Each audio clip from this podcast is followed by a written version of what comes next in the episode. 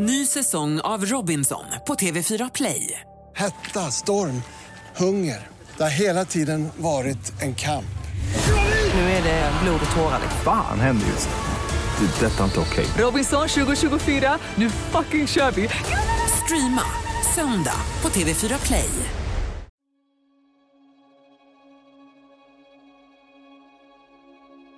Det är jag som är Daniela Gordon och nu ska du få följa med mig in i mitt arbetsrum. In i terapirummet. Det är en speciell plats, för här finns allt som har med livet att göra. Här finns människors innersta och det är det mest spännande jag vet. Jag har jobbat som samtalsterapeut i över 40 år, men det här är första gången jag gör terapi på det här sättet. Jag har aldrig tidigare träffat personerna i den här podcasten. Allt det du hör händer vid ett första möte. Men det känns så här tungt. Liksom. Jag, jag kommer tillbaka till den där Mm. lägenheten där jag står och liksom, benen bara rammas och han bara försvinner. Liksom. Och är typ jättekär i någon annan. Liksom. Att, Och jag står kvar. Okej. Och är jättekär i någon som absolut inte vill ha mig. Ja, tung känsla. Och det är 20 år sedan. Och du lever fortfarande i det här djupast inne i dig. Ja, antagligen. Eller hur? Mitt mål är att få människor att leva i större harmoni i riktigt bra kärleksrelationer. Det jag önskar för dig som lyssnar är att du ska få lära dig saker om ditt liv och bli inspirerad att göra förändringar för att hitta till en kärlek på allvar. I det här avsnittet träffar jag Anna. Hon är singel och 49 år. Anna har aldrig varit gift och har heller inga barn. Nu vill hon verkligen träffa någon och helst av allt även gifta sig. Jag ska försöka förstå vad det är som står i vägen mellan Anna och kärleken. Anna, välkommen hit! Ja, men tack, tack. Anna. Ja, ehm, hur gammal är du? Jag är 49. Jag fyller 50 om fyra månader. Ja, hur känns det? Ja, men det känns faktiskt, först hade jag lite tyckt det var jobbigt, men nu tycker jag bara att det är kul.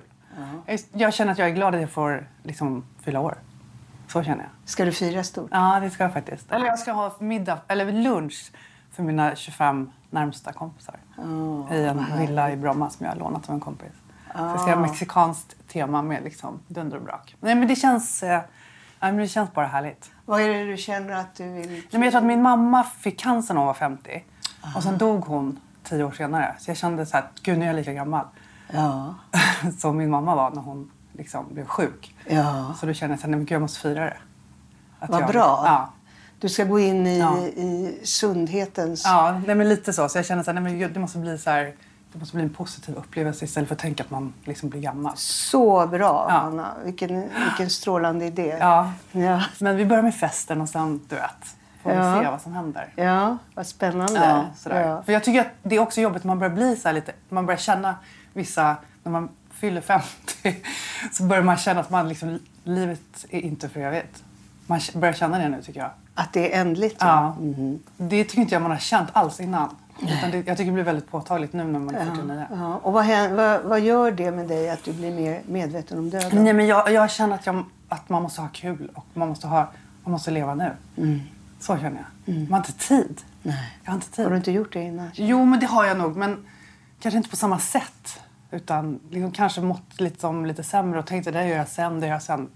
Då är det så här, nej men jag måste göra det nu.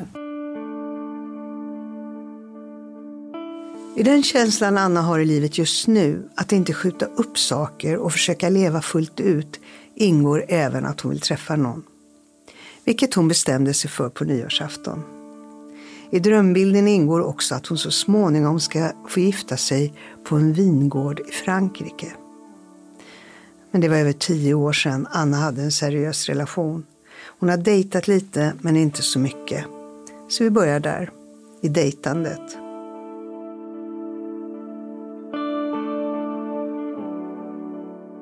Ja, men dejtat.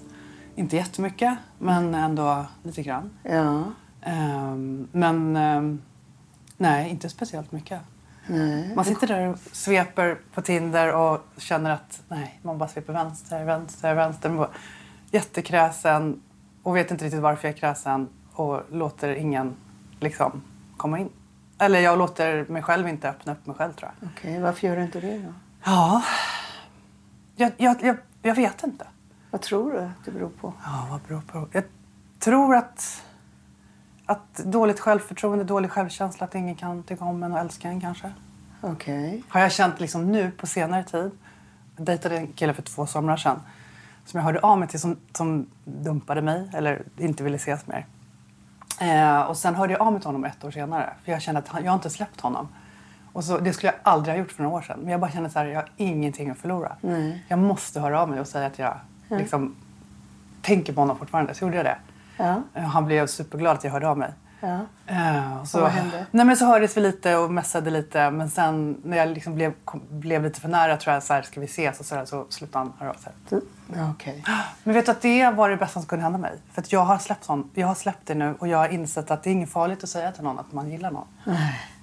Så att jag, har liksom jag har, känner att jag har liksom blivit här. Jag är här uppe och han är liksom här nere som inte ens vågar stå för alla ord han säger. Nej, vad sa han för ord då? Nej, men att han hade tänkt på mig jättemycket och ha- vår magiska tid vi hade tillsammans. Och han är dessutom copywriter, så han är duktig på att skriva. Ja, men du vet. Men han kan liksom inte leva upp till det sen. Och jag liksom känner så här, gud, vilken, vad tro, vilken trist person. Som inte kan, som säger allt det här, men inte menar det på riktigt. Och då känner jag så här, men jag har ändå så här vågat lämna ut mig till honom. Och säga att jag tyckte det var tråkigt att han dumpade mig, men jag har tänkt på dig. Och så skrev jag ett citat till honom som var så här. Eh, man vill höra av sig till någon men, istället tänker jag väntar till den hör av sig till mig. Och till slut dör man. Mm. Ja. Och då, den, den, den har känts så himla så här, stark i mig.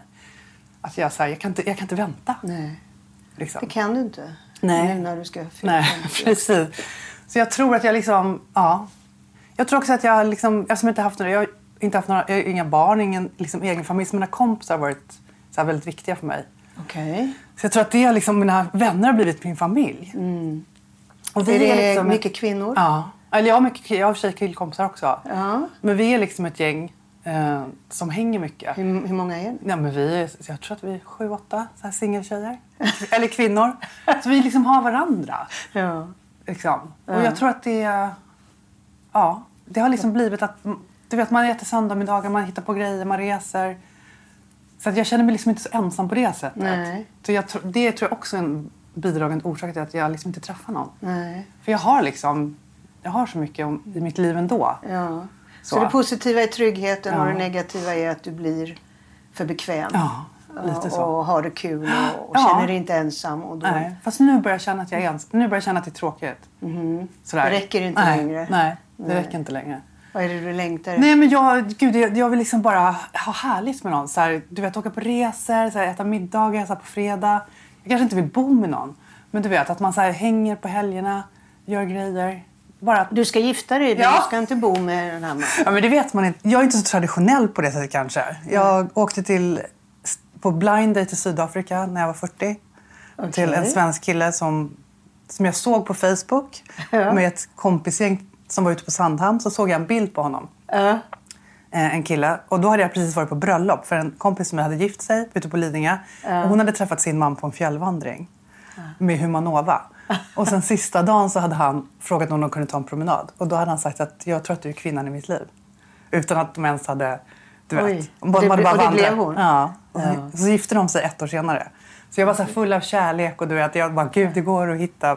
Sådär. Så jag såg bara honom på Facebook och så Ja. skickade jag ett mejl till honom. Jag såg det på en bild på Facebook. Jag tror att du är mannen i mitt liv.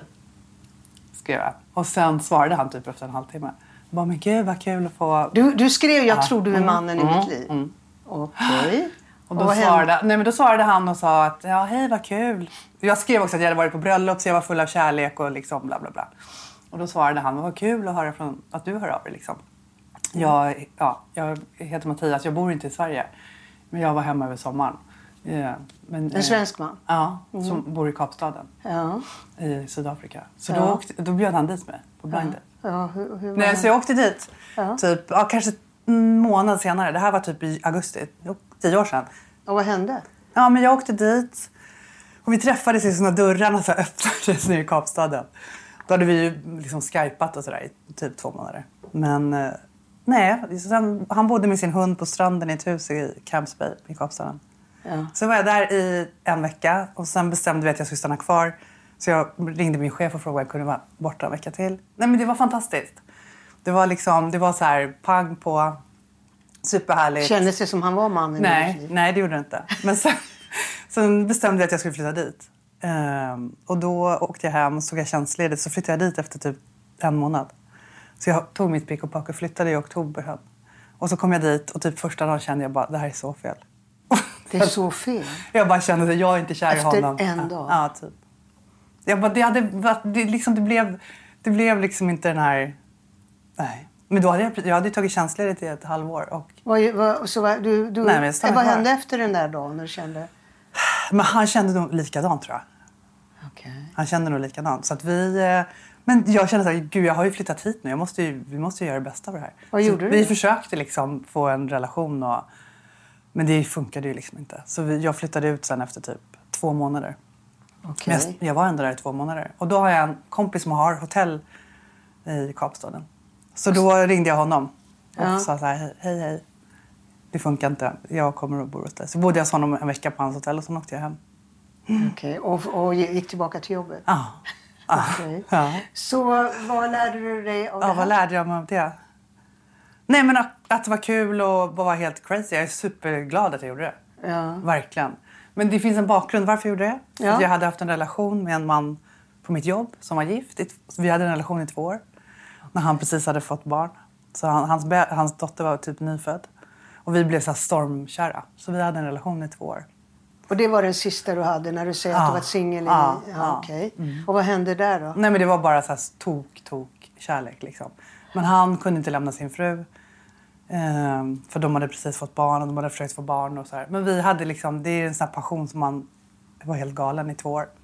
Och Men- vad hände efter det då? Nej men jag, det var mycket därför jag tror jag åkte till Sydafrika. För att jag kände så här, jag måste bryta. Det går inte, jag kan inte leva så här.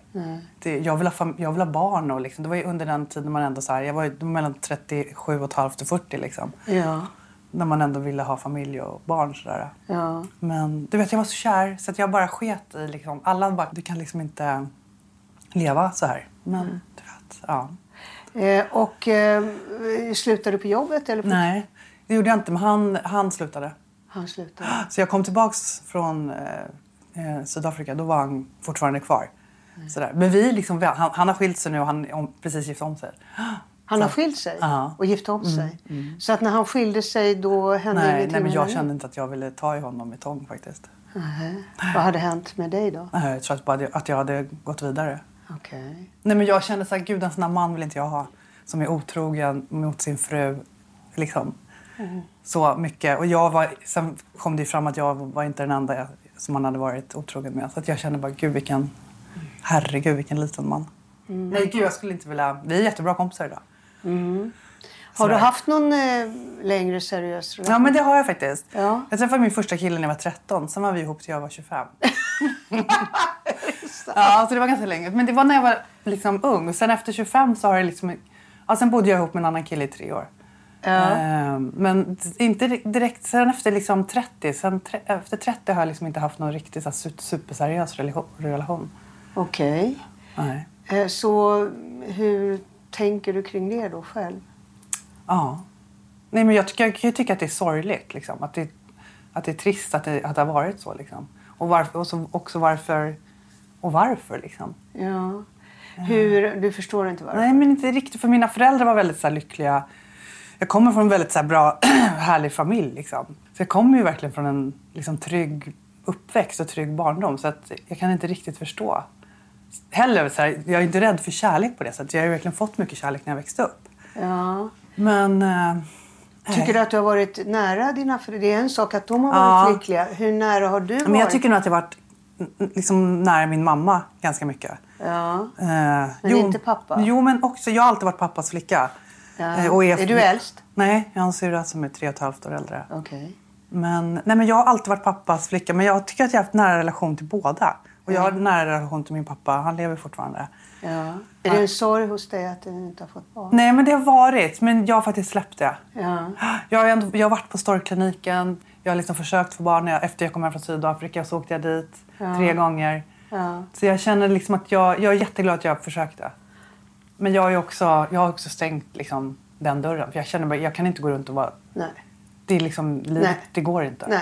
Och det, och det gör du helt rätt Ja, så jag känner att jag gjorde ett försök och det funkar inte. Ja. Jag är jätteglad att jag försökte. Ja. Jag är glad att jag liksom tog mammas arv, pengar och åkte till storkliniken. Ja, Mm. ja.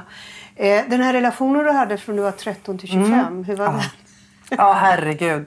Nej, men det var också så här, jag gick i sexan och han gick i nian. Var, han var så skolans snyggaste kille som alla ville ha, så fick jag honom. Ja. Liksom, som var fyra år yngre.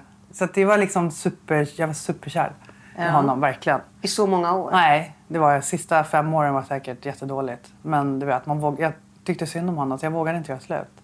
Bodde ni ihop? Nej. Men han bodde, vi bodde ju mycket liksom.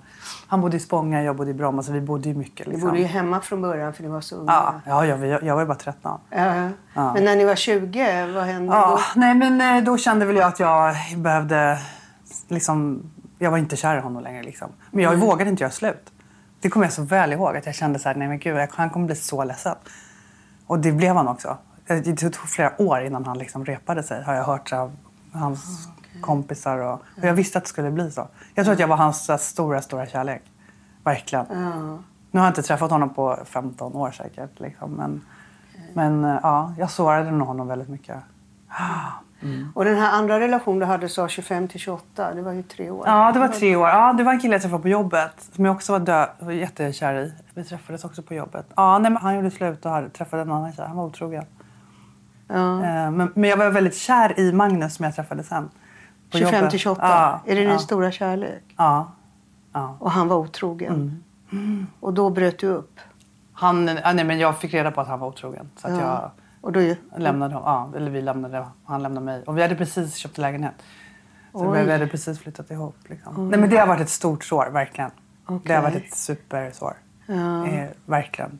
Köpte en lägenhet och så han. Ja. Mm.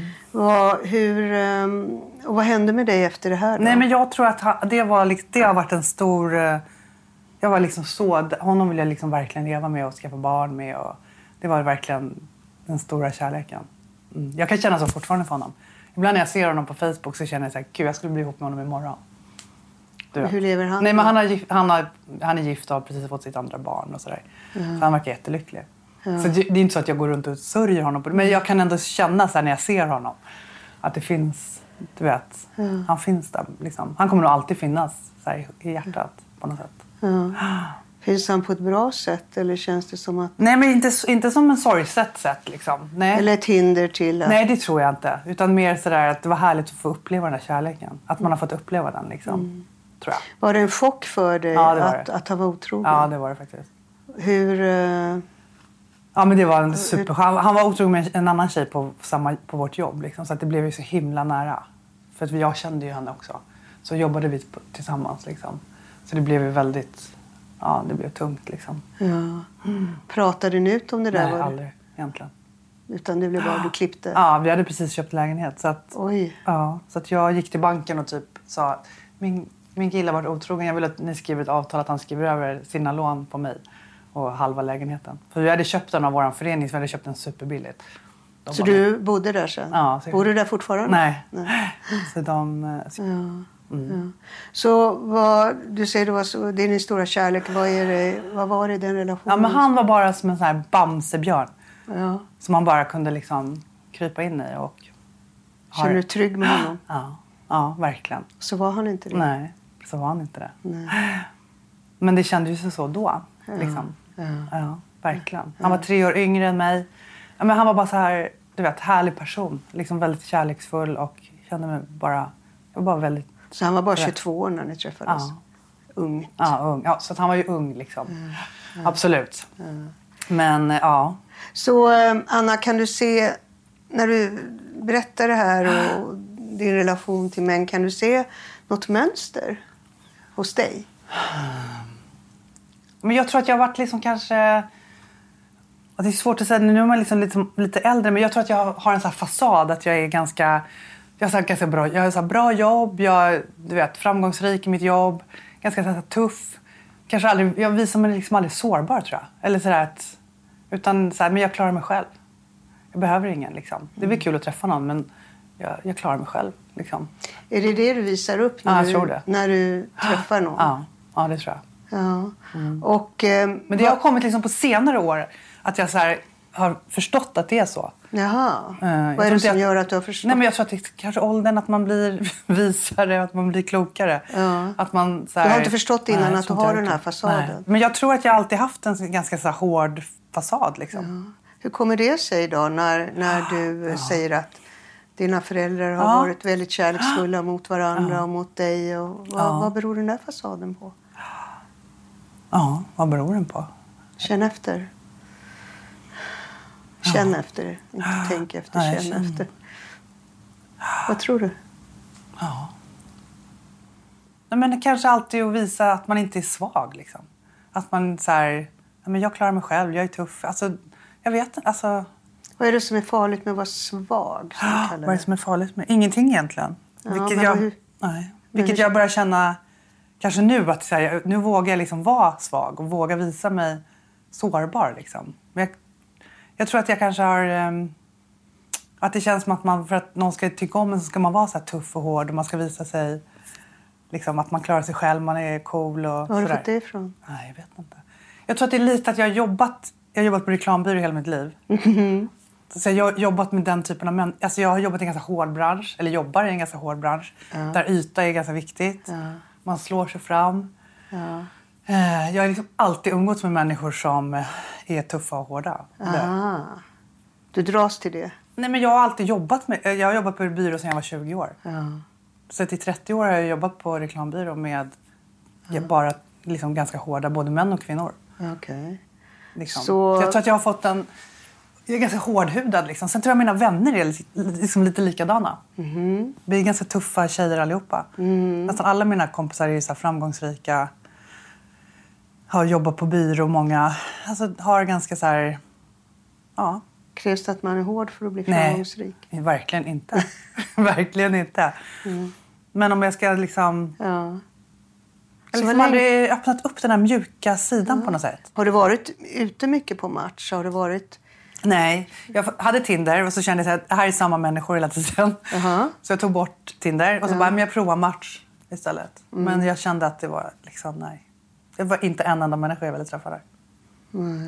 Hur Så vet du det? Nej, det vet jag inte. Men det, var, det är bara en känsla. Ja, okej. Jättehemskt. Man sitter bara och sveper bort allting. Ja. Så är det en del av hårdheten Ja, att, att eh, vara Ja. superkritisk? Ja, Ja. ja. Hej! Anna heter jag. Och jag är producent för den här podden Kärlek och terapi. Det är jag som har kontakt med alla människor som är med i avsnitten och det är jag som ser till att inspelningen funkar som den ska. Men innan ni fortsätter att lyssna så skulle jag så gärna vilja få tipsa alla er kvinnor som lyssnar om en app. Er män också för den delen. Ni kan tipsa era kvinnliga bekanta. Appen heter GoFriendly, den är gratis och den ger dig tillgång till Nordens största sociala plattform för kvinnor som vill utforska och utvidga sin sociala scen runt sina intressen. Och på vägen kanske till och med hitta nya vänner. GoFriendly är alltså ett digitalt community för oss kvinnor för att hitta andra kvinnor som delar samma intressen, livserfarenheter och livssituationer. Och jag tror, precis som i den här podden, att vi lär oss av varandra när vi delar med oss av våra liv och det vi är med om. Så, om du nyligen blivit singel och känner att alla är i sina parbubblor kan det här vara något för dig. Eller så kanske du har flyttat till en ny stad och behöver nya kontakter. Eller så har du precis börjat älska pelargoner men ingen att dela sticklingar med. För i det här nätverket har du över 120 000 kvinnors erfarenheter och intressen att ta del av. Så oavsett vad du brinner för eller längtar efter kommer GoFriendly communityt kunna leverera. Du kan gå med i en bokklubb, diskutera poddar eller baka ihop. Anledningen till att skaffa nya vänner kan vara många. Därför finns GoFriendly. För i det här nätverket kan du hitta utlopp för alla de delar av din personlighet som du har. Det var det. Nu tillbaka till Daniela. Så hur tänker du då när du sitter där liksom Ja, och swipar? precis. Jag tänker- Hur tänker du om män? Ah, vad tänker jag om en? Jag tänker hela tiden så här, nej men gud det där, oh, gud han har fel tröja, han har fel, du vet, det är fel på det, det är fel på det. Nej men det där Du går inte är, jag. ytlig, du är ytlig. Jag är ytlig så, ja Precis så ytlig som du säger att de här hårda människorna är i Ja, reklambranschen. precis. Eller hur? Ja. Är det så? Ja. Så när du tänker på det, är det, är det situationer eller möten du har haft med män som skulle kunna ha blivit annorlunda om du inte hade haft den Ja, här attityden? Ja. Kan, kan du se det? Ja. Eller? Ja. Ja, det kan jag. Hur du Ja. dissar snabbt? Ja, det tror jag. Absolut. Mm. Jag vågar aldrig så möta blicken typ. Vilket jag gör nu. För det gjorde att jag och en kompis, vi gick på Brillo förra fredagen. När jag hade tagit bort Tinder och match. Så bara, nu ska vi gå ut och så ska vi möta blickar. Du vet, jag känner bara att jag måste ändra mitt beteende. Så bara, nu ska jag sitta Vad på... händer när du möter en Nej, man men med det är blicken? jättetrevligt. Är det läskigt också? Nej, Nähä. jag tycker inte det längre. Men jag Tyckte tyckte du det från ja, början? Ja, jag skulle aldrig gjort det förut. För en månad, två månader sedan. Nej. Men när du gjorde det första gången, var det läskigt då? Nej, egentligen inte. Så varför har du inte gjort det? Nej, precis. Varför har jag inte gjort det? Jag vet inte. Det är för att jag har en tuff, hård yta. Liksom.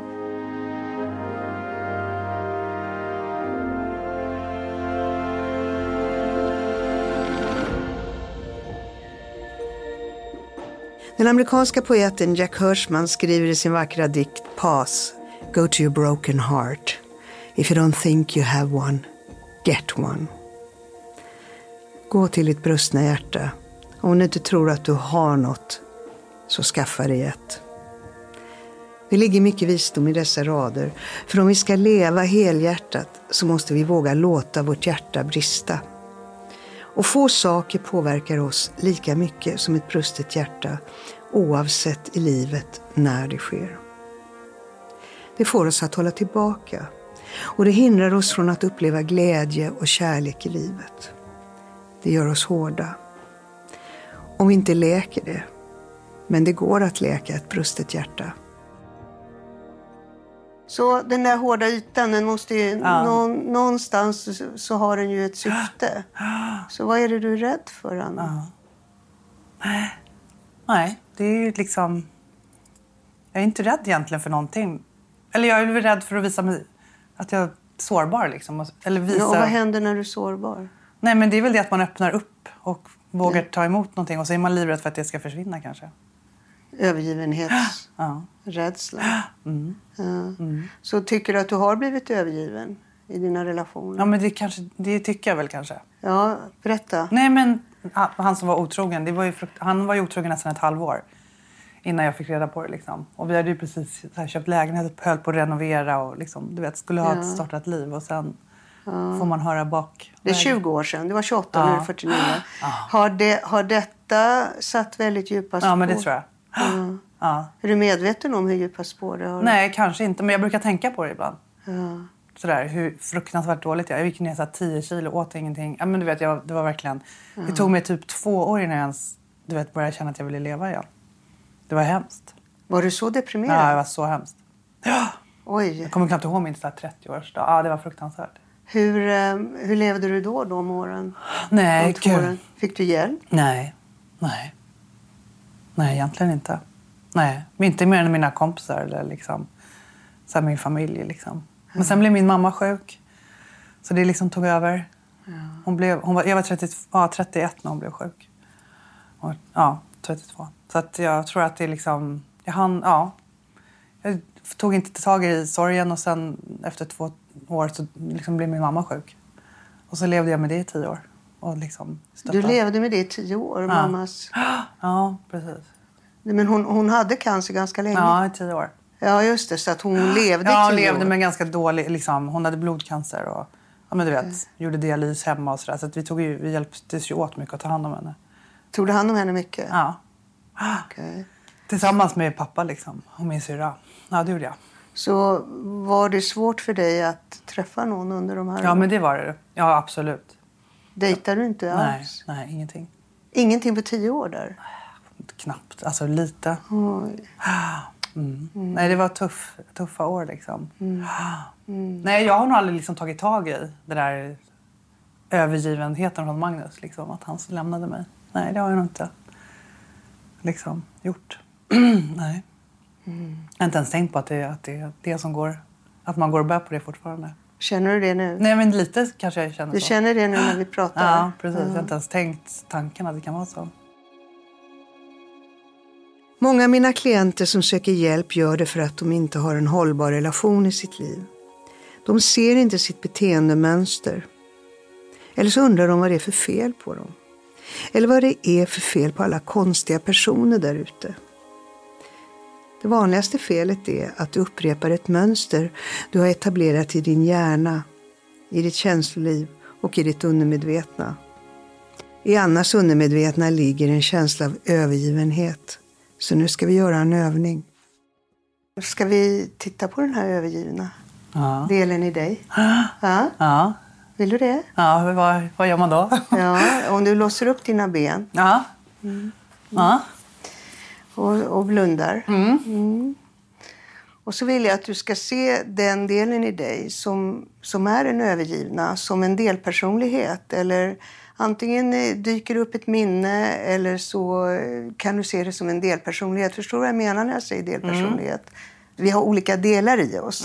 Ja, vi har en, kanske en beskyddare, vi har en eh, behagare, vi har en pådrivare och du har en del i dig som är den övergivna. Och det har att göra mycket mer med det som är eh, ofta förnekade delpersonligheter, de man inte identifierar sig med, för de är inte de sta- starka. Nej. Ja. Så vad ser du framför dig när du tänker på... Ja, nu ser jag bara mig själv framför mig när jag är, liksom är helt nyövergiven typ. Det är så? Ja, jag Ja. ser bara den här liksom hur liten människa jag var. Alltså hur, hur otroligt ledsen jag var. Liksom. Mm. Över, ja, verkligen. Fruktansvärd känsla. Ja. Och du är 28 år. Mm. Hur ser, var är du någonstans? Hur ser du? Men jag, det känns som att jag är i vår lägenhet som var, stod som ett renoveringsobjekt. Liksom. Ni hade redan börjat Ja. renovera det här. Ja. ja, vi hade köpt den och liksom flyttat in. Jag höll på att renovera och sen bara kom liksom, eh, bomben. Det var hans chef som ringde mig. Som också var min chef eftersom vi jobbade ihop.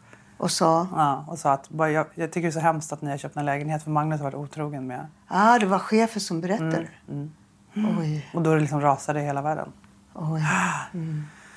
Ja, ja, så det, ja jag, jag ser mig verkligen själv som den så här, ja gud, hur, hur ehm, fruktansvärt liksom, livet bara Ja. raserar. Vad händer i din kropp när du går in och ser det här? Nej, men jag känner mig bara så här, du vet. Du känner så i kroppen? Ja. Mm. Kan du eh, gå in i den här övergivna delen i dig? Du ser henne utifrån nu. Mm. Kan du kliva in i henne med ditt medvetande och uppleva henne inifrån?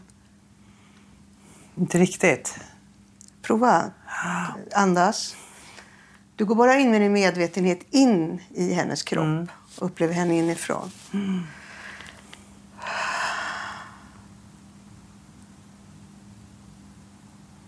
Är du inne i henne nu? Ja, men det är inte helt lätt alltså. Nej, du vill inte riktigt gå in i henne. Nej, det kanske är det. Man känner att det är, det är så mycket smärta där på något sätt. Ja. Men lita på att jag hjälper dig Ja, nu här. ja. Att vi gör det här för att du ska läka. Mm. Men det känns bara som att det är så sjukt sorgset där.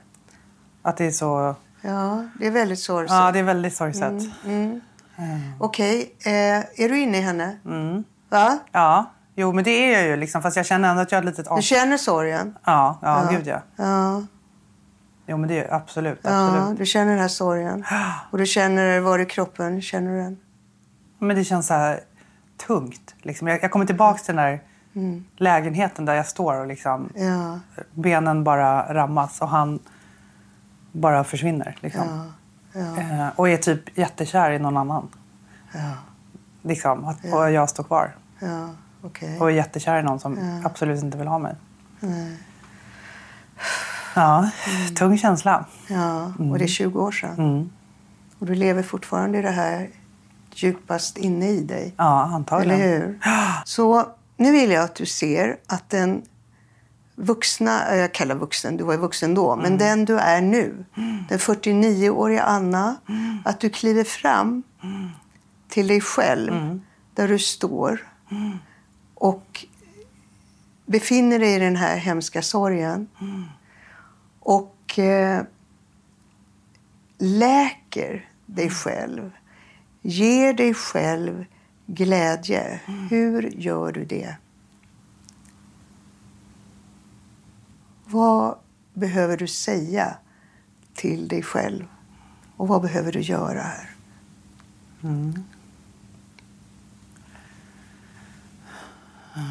Nej, men jag känner väl att det är liksom okej att ha varit ledsen men jag måste lämna, att jag måste lämna det bakom mig.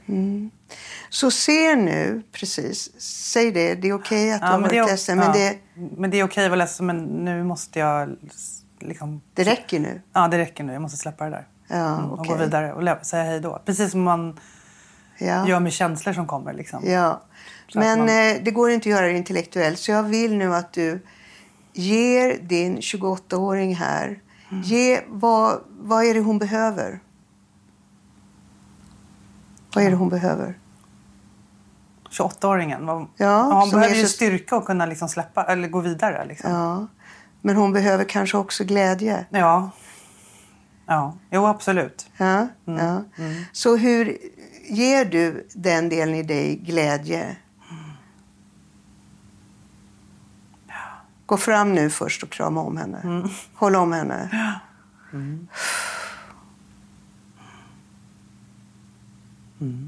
Det känns som att man bara vill säga så här, nu har du sörjt i 20 år. Mm. Nu är det dags att Ja, precis. Ja, ja, ja. Nu, nu ska vi bara Ja, ha roligt. ja.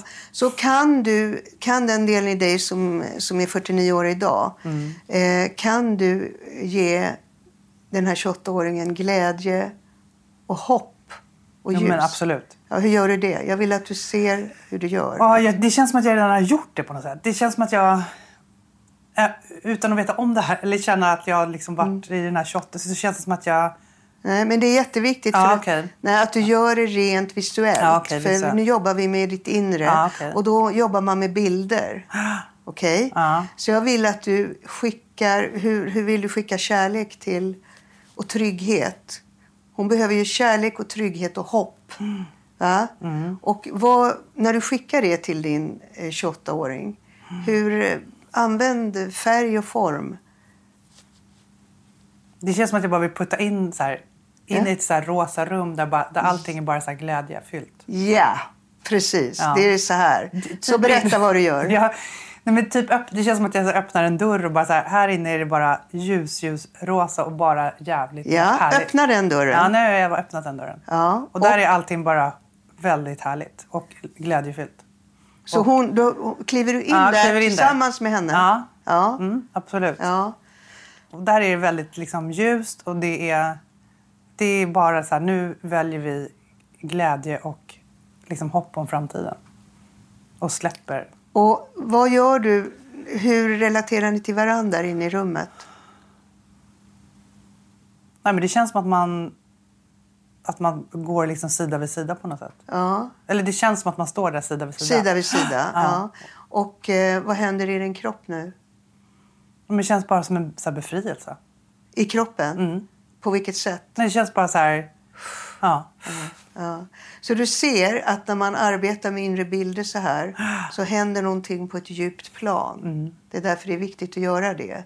Det går inte bara att ta ett intellektuellt beslut. Nej. Ja, Okej. Så du är inne i det här fina rosa rummet. Är det ett kärleksrum? Mm. Ja, men verkligen. Ja, ja. Vad härligt. Fullt med så här ros, ljusrosa pioner, du vet. Pioner? Som kommer på våren. Du vet de här fina ja, rosa. i rummet. Ja. Vad finns det mer? Åh, nej. nej, men det finns... Ja, vad finns det mer? Nej, men det finns bara glädje och liksom framtidshopp där inne på något sätt. Ja. Ehm, Och i, ditt, i din kropp? ja. Också Händer? Ja, det är också samma sak där. Känns bara som glädjefyllt. Ja, gud vad underbart. Mm. Okej. Så kliv ur det här rummet nu med henne. Nu vet du att du har det här rummet. Nu vill jag att du öppnar ögonen. Mm. Så. Nu har du läckt upp det här. Och det är jätteviktigt att du, jag vill att du varje dag går in i det här rosa rummet tillsammans med 28-åringen för att stärka upp det här. Det är en sak. Men vi är inte klara. Nej. Nu vill jag, för att du berättar för mig att du eh, eh, har den här tuffa sidan när du dejtar. Så. Eh, så vad är det du behöver visa nu en man som du träffar och som du vill öppna upp för? Vad är det du behöver visa honom? Ja. ehm.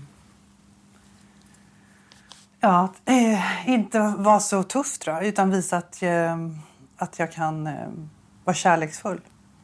Och hur ska du göra det? I Då? det rosa rummet kanske. Ja, men nej, du kan- nej, men, Ja, nej, men det är jätteviktigt men, att ja, eh, ja, hur ska jag göra det? Gud, det är så svårt för jag känner att jag aldrig gjort det. Nej, just det. Nej. Men om du, om du tänker att inte vara tuff, hur ser du att du... Hur möter du en man då? Vad gör du? Vad pratar du om? Ja, kanske inte om mitt jobb som jag brukar göra. Exactly! Inte sitta och prata om jobbet, för där går du in i den här professionella Ja. attityden. Det är hur tråkigt som helst. Ja. Ja. Så den här mannen som du vill träffa, han behöver ju känna att du tar emot honom. Han behöver känna att du vill ta emot honom. Han behöver känna att du är att du är känslig. Mm. För att hur ska han kunna bli kär i, i din professionalitet? Det är Nej. inte det man blir kär i. Nej. Nej. Så med andra ord så behöver du skapa mer intimitet i mötet. Mm. Intimitet.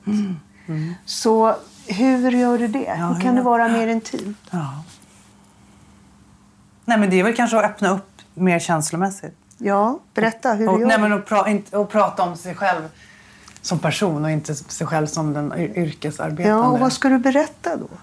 Nej, men kanske om eh, sina drömmar och vad man vill med livet och våga liksom vara öppen med det. Mm. För jag, jag känner att jag har liksom öppnat upp det för mig själv så mycket. Ja, ja, precis. Och det här, vad vill man med livet? Ja. Och det är framtiden. Ja. Men det är också viktigt att, att säga, eh, kanske prata med mannen. Du, vad, vad, vad har varit svårt för dig i, din, i dina kärleksrelationer? Till exempel. Mm. Vad har varit svårt för dig? Och berätta, jag, jag, det här har varit svårt för mig. Det här har varit, Tydligt, ja. Att du berättar om den här Ja. Mm. situationen och att eh, ja, det skapade jättedjupa sår och det tror jag gjorde, har gjort mig jätterädd. Mm. Men nu, nu, eh, vi, nu vill jag släppa det här Mm. och jag vill gå vidare. Eh, och att du inte bara ställer frågor utan att du berättar om dig Om själv. mig själv, ja. Vad längtar du efter? Jag längtar efter Mm. det här. Berätta att du längtar efter en seriös relation. Det är det man inte vågar för då tänker man att han kommer springa med benen på ryggen och bara Varför gud. tror du det? Nej men jag vet. Det, det, Det man- viktiga är när du dejtar, det är nummer ett när man vill hitta en seriös relation, är att skriva texten. Jag är jag letar efter en seriös relation. Jag är helt ointresserad i casual sex. Det är jätteviktigt att markera det först. För då slipper du alla de som bara vill ha eh, sex. För det är ju inte det du är intresserad av. Och då har du markerat att jag vill ha en seriös relation. Det är jätteviktigt att skriva i texten. Jag letar efter en livspartner. Jag vill gifta mig. Jättebra att skriva, för det vill du ju. Du har ju. Det var det första du sa. jag vill gifta precis. mig. Ja, precis. Så att du skriver, du står, nu, nu handlar det om att inte bara tänka jag ska kul, jag ska kul, 50 ska kul. Sådär generellt, det Nej. hjälper inte. Du måste bara gå in på detaljnivå. Är du med? Mm, absolut. Jag vill gifta mig, jag, ska ha, jag vill ha en seriös relation. Ja. Helt ointresserad i eh, sexuella möten. Eh, så. Bra, fina bilder. Också där du... Som är också både vackra och seriösa. Men inte det där, du vet när man ska Nej. bara sexa upp sig. De där bilderna som man ska locka på Nej. det sättet. Det, det går bort. Mm. Och Ja. när du då träffar den här mannen, du pratar inte om ditt jobb. Nej. Du pratar om, alltså bara fråga, en första fråga som är jättefin. Vad är viktigt för dig? Och det här är viktigt för mig. Vad är viktigt för dig? Berätta för mig nu. Träna. Om du ska säga till en man, vad är viktigt för dig? Ja. Vad skulle du berätta då? Eh, nej men det är viktigt för mig att, att få kunna ge kärlek.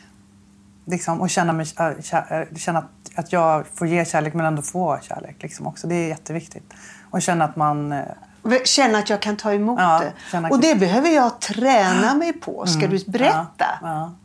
Den sårbarheten. Ja. Jag behöver träna mig i det. För du vet, jag har, Ja. jag har varit eh, tuff. Och, det, och det här vill jag ändra på. Alltså berätta din sanna historia för honom. Ja. Det är därför jag, jag, jag verkligen vill ha en riktig djup relation nu. Jag är 49 år. Jag vill ha det och det är jätteviktigt. Och då pratar du på det här sättet. Och den mannen som inte kan ta det här, Nej. Han går ju ändå bort. Ja. Om han bara vill Ja. vara ytlig och laja och vara tuff. Då går han bort ändå. Så att den mannen som svarar på det här innerliga. För det är det, det är det som kommer till mig. Att du behöver träna dig i innerlighet. För jag känner att du har en sån längtan efter innerlighet. Ja. Och det ordet är väldigt bra för dig att använda. Vad tycker du om det ordet? Ja, men det, det, det är ett fint ord som jag typ aldrig har använt. Nej, ja. Och, och det är jätteviktigt att säga, för det kommer till mig starkt för Ja, dig nu, ja. innerlighet. Att när du träffar den här mannen, att du pratar och säger så här, du vet du, jag längtar så efter att vara innerlig. Jag längtar så efter intimitet. Att vara autentisk, att vara sann. Att få ha själarnas möte. Och vad som då är jätteviktigt, och du tittar in i hans ögon. Och att du vågar titta in i ögonen också. Och vara tyst en stund. Ja, men precis. För ögonen är ju själarnas möte. Ja. Och inte prata för mycket Nej. och för fort. Det är ju mitt problem också. Ja, ja. Att våga pausa och andas och titta, titta och, och ställa en fråga. Ja. Berätta vad du längtar efter. Och berätta för den här mannen att du, jag tror att jag har skyddat mig jättemycket för att jag är yrkesskadad. Ehm, vi pratar bara om, om ytliga saker och jag har hela tiden varit så mån om att vara tuff och hård. Och nu vill jag, jag längtar så efter mjukhet också. Ja. Hur känns det? Jo, men det känns, det känns helt rätt. Alltså det känns helt rätt. Och det känns som Ja. du vill det här. Ja, verkligen. Jo. Men, Men- Det, jag, har, jag har ju känt att jag vill det, liksom, det här. Alltså, det var det. Men jag har ju liksom inte vetat verktygen tror jag. Nej, känner du att du, Ja, absolut. att du har fått Mm, verktyget Ja, ja. nu? Innerligt mycket. Innerligt mycket. Åh, vad härligt. Eh, och det här rosa rummet Ja, det var härligt. eh, där du eh, befinner dig nu med, med din 28-åring som är läkt Ja. och har släppt det här. Går du in i varje morgon en stund och jag tror att du kommer... När du tänker på det här rosa rummet nu, blunda. Vad, vad, vad känner du då? Nej, men det känns varför bara så härligt. Hoppfullt. Hoppfullt. Mm. Hopp. Hoppet. För jag tror någonstans att du har känt en hopplöshet Ja, det tror jag med. som du inte har Nej. vågat titta på. Nej. Och vet du vad som också förstärkte det hela? Din mamma blev sjuk Ja. Mm. precis efter. Eller hur? Ja, ja, det var mycket sorg där. Mycket sorg. Ja. sorg. Sorg över att du blev övergiven Ja. Mm. av eh, din stora kärlek. Och sen går mamma in i sjukdom. Och du, det kommer ju döden in där. Mm. Och du blev hypokondrisk och gick i terapi och blev jätterädd för döden. Och, och ville hjälpa vårda mamma så att hon skulle Mm. leva länge, vilket hon också gjorde. Eh, där hittade du en uppgift att klamra Mm. dig fast vid livet. Och någon, någon gång, någonstans kanske du har tänkt att att klamra sig fast vid livet det är att vara hård och stark. Så känns det. Men det är inte så. Nej. Det är tvärtom. Vi, det är väldigt viktigt att vi förstår att döden finns där eh, hela tiden. Och det är det du pratar om nu också, 50 år, dödligheten. För hur ska vi förhålla oss till livet när vi tar in döden istället för att pusha bort den?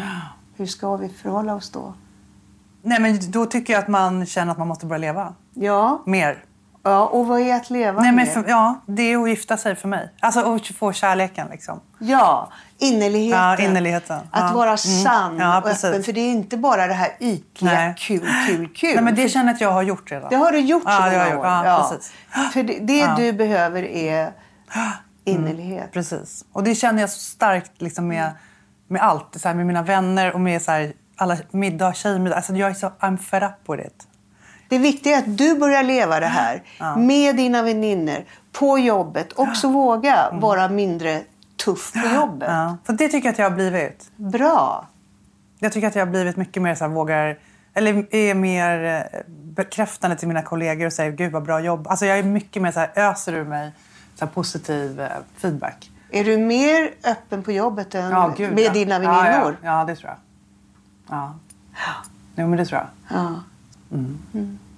Är det något mer du vill Nej men gud, det, jag har fått så mycket. Det är så, det är så sant så att det är inte klokt. Så känner jag. Ja, vad Jag känner att jag ändå, jag känner en, det är fantastiskt. Det här rummet var väldigt härligt att gå in i. ja, men verkligen. Men sen känner jag också att ehm, jag känner att jag har liksom närmat mig det där nu med att jag liksom vågat öppna upp så för 20 Alltså jag känner att jag var på väg dit men nu har jag fått liksom ännu en dimension. Ja, du har fått Ja. verktygen. Ja, du visste precis. vad du ville men du visste inte riktigt Nej. Hur du skulle bete Nej, dig. Och precis. nu har du fått ett rum du kan gå in i dig själv och också verktyg för hur du ska möta Ja. män nu. Mm. Och hur du ska också beskriva dig själv Mm. när du går ut på en dejtingsajt. För jag brukar säga så här. När du har rätt attityd, Ja. då kan du träffa mannen var som helst. Det kan vara på ICA, Mm. det kan vara ute på gatan, på ett café.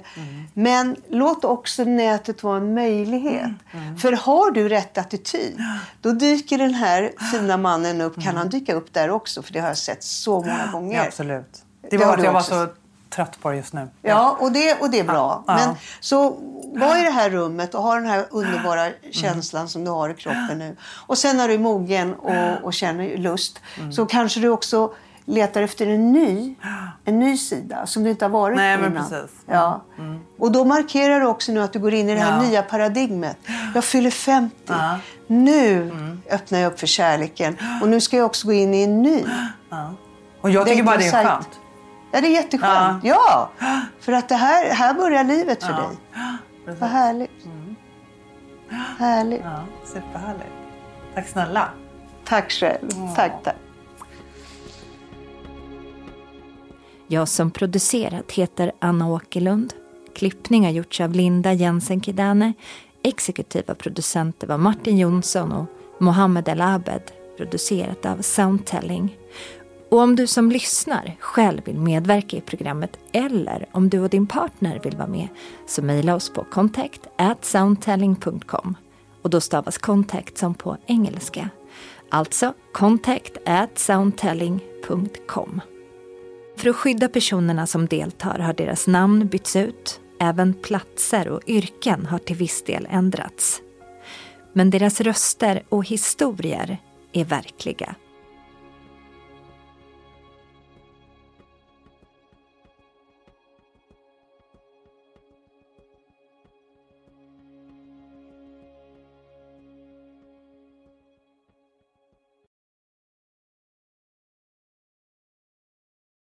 Ny säsong av Robinson på TV4 Play. Hetta, storm, hunger. Det har hela tiden varit en kamp. Nu är det blod och tårar. Fan händer just nu. Det. är Detta är inte okej. Robinson 2024, nu fucking kör vi! Streama söndag på TV4 Play.